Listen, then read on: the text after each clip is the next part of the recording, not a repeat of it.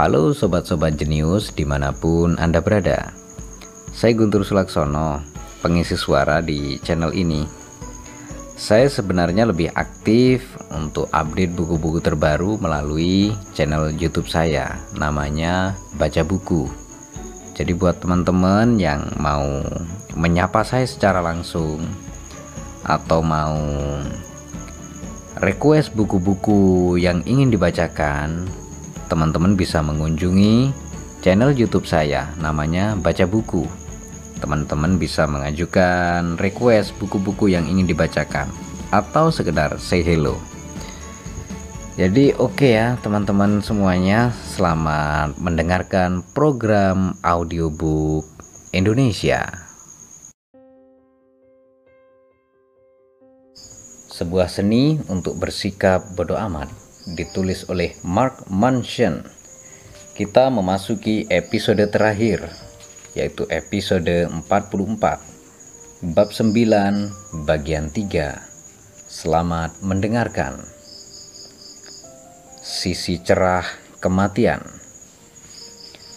Saya melangkah dari satu cadas ke cadas lain, mendaki dengan stabil otot kaki mulai meregang dan terasa sakit.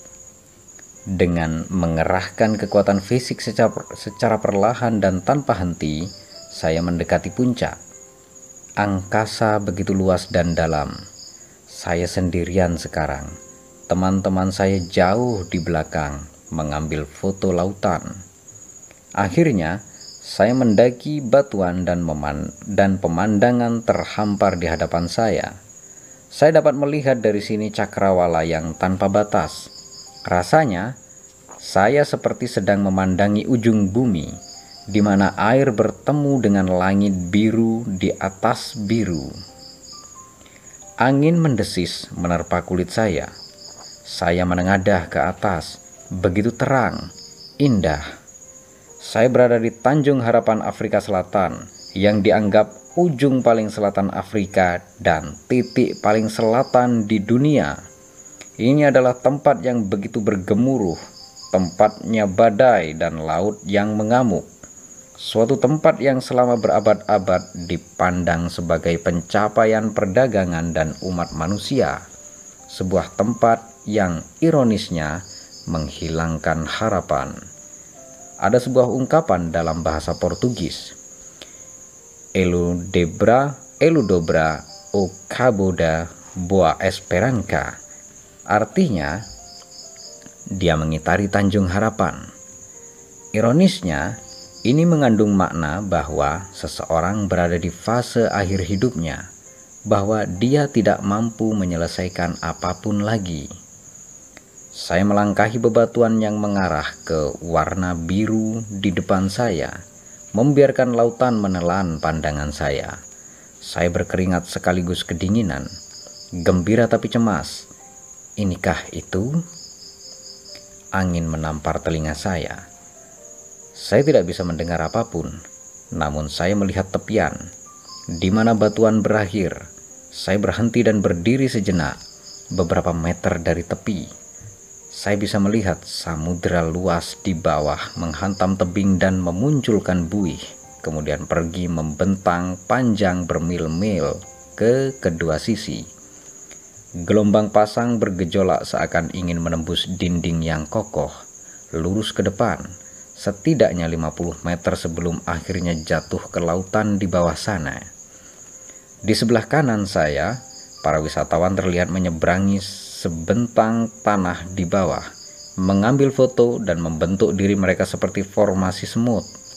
Di kiri saya Asia, di depan saya adalah langit, dan di belakang saya adalah apa pun yang pernah saya harapkan dan bawa bersama saya.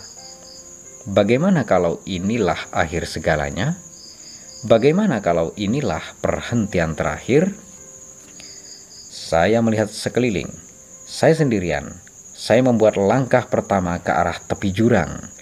Tubuh manusia rupanya dilengkapi dengan sebuah radar alam yang bekerja dalam situasi yang berpotensi mengakibatkan kematian. Contohnya, momen ketika Anda berada sekitar 3 meter dari tepi tebing, tanpa batas pengaman, suatu ketegangan tertentu menusuk-nusuk tubuh Anda. Punggung Anda menjadi kaku, kulit Anda berdesir, mata Anda fokus berlebihan pada setiap detil lingkungan sekitar Anda. Kaki Anda rasanya seperti terbuat dari batu, seakan-akan ada magnet besar yang tidak terlihat yang dengan lembut menarik badan Anda ke belakang agar selamat.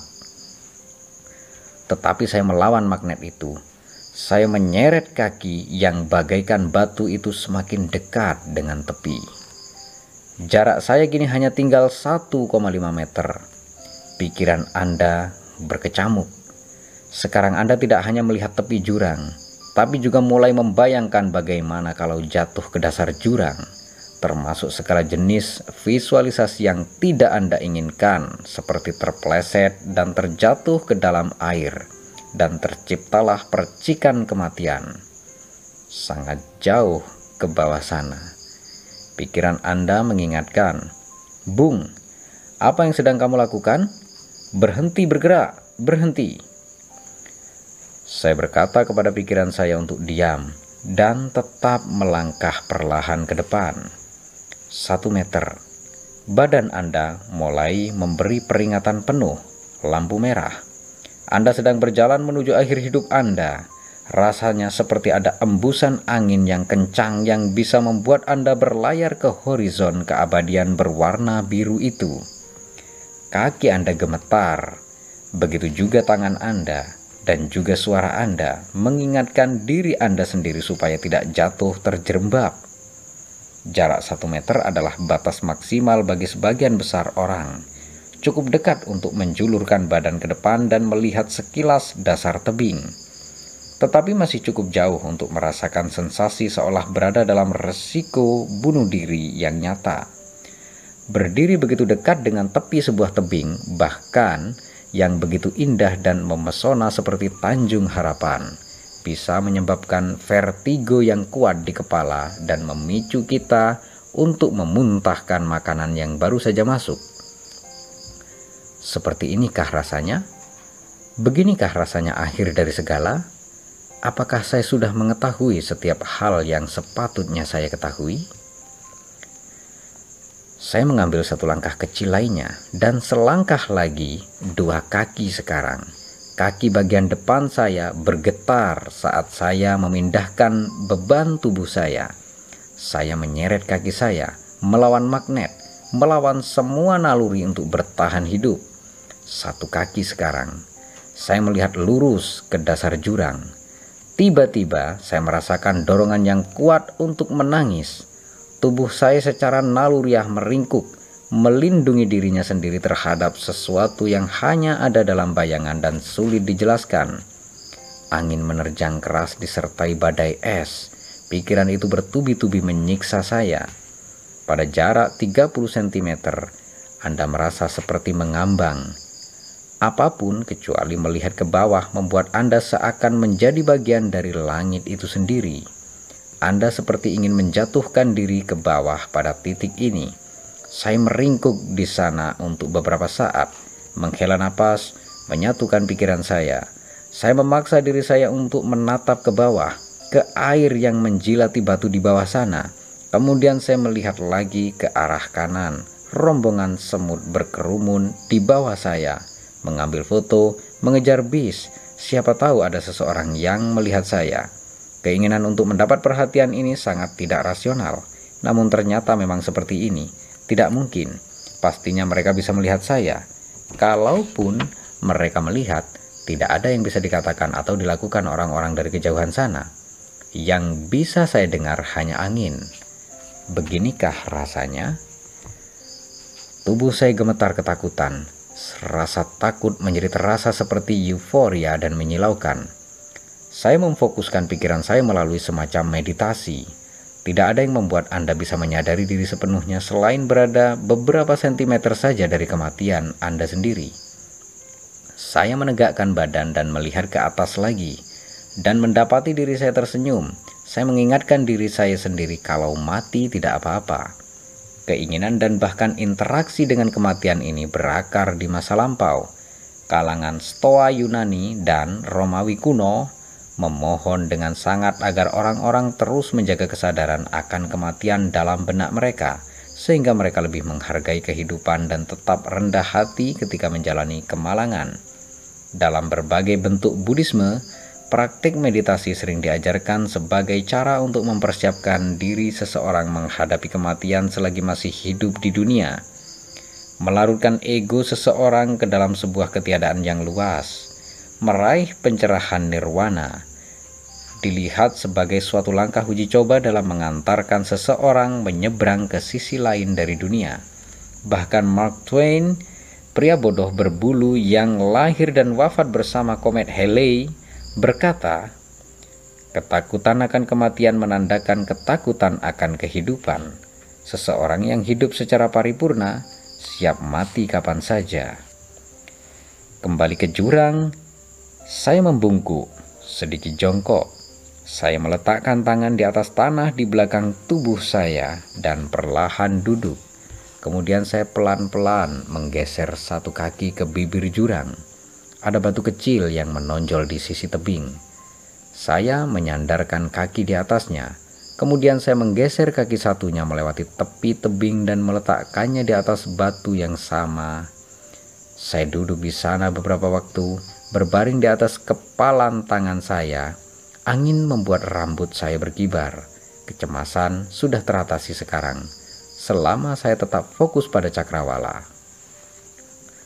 Kemudian saya duduk tegak dan melihat ke bawah jurang lagi. Rasa takut kembali menyergap melalui tulang belakang, menyetrum anggota tubuh saya dan ibarat laser memfokuskan pikiran saya pada koordinat tertentu dari setiap inci tubuh saya. Rasanya seperti tercekik. Namun setiap kali saya merasa sesak napas, saya mengosongkan pikiran, berkonsentrasi pada dasar jurang di bawah saya, memaksa diri saya untuk menatap lekat-lekat kiamat yang ada di depan saya dan kemudian mengakui keberadaannya. Itu saja. Sekarang saya duduk di batas dunia, di ujung harapan paling selatan, pintu gerbang ke arah timur. Saya merasa gembira saya bisa merasakan adrenalin yang terpompa di seluruh tubuh saya. Begitu tenang, sangat sadar, tidak pernah begitu menegangkan. Saya mendengarkan angin dan memandangi samudera yang ada di atas ujung dunia, dan kemudian saya tertawa bersama cahaya. Semua yang tersentuh cahaya menjadi baik. Menghadapi kenyataan mengenai kematian Anda sendiri penting, karena ini melenyapkan semua nilai yang buruk rapuh, dangkal dalam hidup. Sementara sebagian besar orang bersungut-sungut akan hari-hari yang mereka lalui ketika mencari uang atau mencari tambahan ketenaran dan perhatian, atau mencari sedikit lagi kepastian bahwa mereka tidak bersalah atau sungguh dicintai. Kematian menghadapi kita semua dengan satu pertanyaan yang jauh lebih menyakitkan dan penting. Apa warisan Anda? Bagaimana dunia akan menjadi berbeda dan lebih baik setelah Anda tiada? Pengaruh apa yang akan Anda berikan? Mereka berkata bahwa kepakan sayap seekor kupu-kupu di Afrika akan menyebabkan topan badai di Florida. Lalu topan badai apa yang akan Anda tinggalkan di belakang Anda? Seperti yang ditunjukkan Baker, bisa dikatakan itulah satu-satunya pertanyaan yang sangat penting dalam hidup kita namun kita menghindar untuk memikirkannya. Satu, karena ini sulit. Dua, karena ini menakutkan. Tiga, karena kita sama sekali tidak tahu apa yang akan kita lakukan. Dan ketika kita menghindar dari pertanyaan ini, kita membiarkan nilai-nilai yang sepele dan sep dan penuh kebencian membajak otak kita dan mengambil alih hasrat dan ambisi kita tanpa pernah mengakui tatapan kematian di hadapan kita. Nilai yang sifatnya dangkal akan tampil sebagai sesuatu yang penting, dan nilai yang sifatnya penting akan muncul sebagai nilai yang dangkal. Kematian adalah satu-satunya hal yang dapat kita ketahui dengan pasti, dan karenanya itu harus menjadi kompas yang dapat kita gunakan sebagai petunjuk arah dari nilai dan keputusan kita lainnya. Inilah jawaban yang tepat atas semua pertanyaan yang seharusnya kita lontarkan. Namun, selalu tertelan kembali. Satu-satunya cara agar Anda merasa nyaman dengan kematian adalah dengan memahami dan melihat diri Anda sebagai sesuatu yang lebih besar daripada diri Anda sendiri. Memilih nilai yang melampaui nilai yang hanya melayani diri Anda sendiri, yang sederhana dan segera dan terkontrol dalam toleran terhadap dunia yang carut marut di sekitar Anda. Inilah akar dari semua kebahagiaan Entah apakah Anda mendengarkan Aristoteles atau psikolog dari Harvard atau Yesus Kristus atau Beatles, mereka semua mengatakan bahwa kebahagiaan datang dari hal yang sama. Peduli terhadap sesuatu yang lebih besar dari diri Anda sendiri, mempercayai kalau Anda merupakan satu komponen yang berkontribusi dalam semacam entitas yang jauh lebih besar, bahwa hidup Anda hanyalah secuil proses dari suatu produk besar yang menjadi misteri. Inilah perasaan yang dicari orang saat pergi ke gereja. Inilah yang diperebutkan orang dalam peperangan. Inilah alasan orang berkeluarga dan menabung untuk pensiun dan membangun jembatan dan menciptakan telepon seluler. Perasaan menjadi bagian dari sesuatu yang lebih agung dan lebih misterius daripada dirinya. Dan kepongahan melucuti perasaan ini dari kita. Gaya tarik kepongahan menarik semua perhatian ke dalam, ke arah diri kita, membuat kita merasa seakan-akan kitalah pusat dari semua masalah alam semesta, bahwa kita satu-satunya yang mengalami semua ketidakadilan, bahwa kitalah orang yang berhak mendapatkan yang paling besar daripada orang lain. Yang menarik, kepongahan mengisolasi kita, Rasa penasaran dan kegembiraan kita terhadap dunia berubah dan mencerminkan bias dan proyeksi kita sendiri pada setiap orang yang kita temui dan setiap peristiwa yang kita alami. Ini terasa seksi dan menggoda dan mungkin terasa enak untuk sementara waktu dan menarik minat banyak orang. Namun ini adalah racun spiritual. Dinamika semacam inilah yang sekarang mengganggu kita. Kita mungkin sejahtera secara material, namun secara psikologis kita tersiksa karena berada dalam tingkat yang rendah dan cara yang dangkal. Orang-orang melepaskan semua tanggung jawab, menuntut masyarakat mengurus perasaan dan sifat cepat tersinggung mereka. Orang-orang memegangi kepastian mereka secara membabi buta dan memaksakannya kepada orang lain, sering kali dengan kekerasan, mengatasnamakan kebenaran yang dibuat-buat. Orang-orang keblinger oleh superioritas palsu jatuh ke dalam dorongan untuk tidak melakukan apa-apa dan kelesuan karena takut mencoba sesuatu yang bermanfaat dan takut gagal. Perkiraan modern yang manja ini telah berdampak pada suatu populasi manusia yang merasa layak mendapat sesuatu tanpa berusaha. Sebuah populasi manusia yang merasa berhak atas sesuatu tanpa mau berkorban. Orang-orang menyatakan diri mereka sebagai para ahli, wira swasta, penemu, pembawa inovasi, unik, dan coach tanpa ada pengalaman hidup nyata. Dan mereka melakukan ini bukan karena mereka sungguh berpikir bahwa mereka lebih hebat daripada yang lain. Mereka melakukannya karena mereka merasa perlu menjadi lebih hebat hebat agar bisa diterima dalam suatu dunia yang hanya menyiarkan orang-orang luar biasa. Budaya kita sekarang merancukan antara perhatian yang besar dan kesuksesan yang besar, mengira kalau keduanya hal yang sama, tetapi sebenarnya tidak. Anda hebat, ya, ya sudah. Entah Anda sadari atau tidak, entah orang lain sadari atau tidak, dan itu bukan karena Anda meluncurkan suatu aplikasi iPhone atau menyelesaikan sekolah setahun lebih awal atau membeli sebuah kapal yang keren Hal-hal ini tidak menerangkan apa yang disebut kehebatan. Anda sudah hebat karena di depan wajah kematian tak berujung yang membingungkan dan pasti, Anda terus memilih apa yang perlu dan pedulikan dan apa Anda pikir bodoh amat. Dari fakta ini saja, membuat pilihan sederhana berdasarkan nilai hidup Anda sudah membuat Anda indah, sudah membuat Anda sukses, dan sudah membuat Anda dicintai bahkan ketika Anda tidak menyadarinya, bahkan jika Anda tidur di selokan dan kelaparan. Anda terlalu muda untuk mati, dan itu karena Anda juga cukup beruntung bisa hidup hingga sekarang ini. Anda mungkin tidak merasakan ini, tapi berdirilah di atas jurang suatu saat dan mungkin Anda akan berubah pikiran. Bukowski pernah menulis, "Kita semua akan mati, semuanya." Menakutkan, bukan? Alasan itu saja seharusnya membuat kita saling mencintai, tetapi tidak.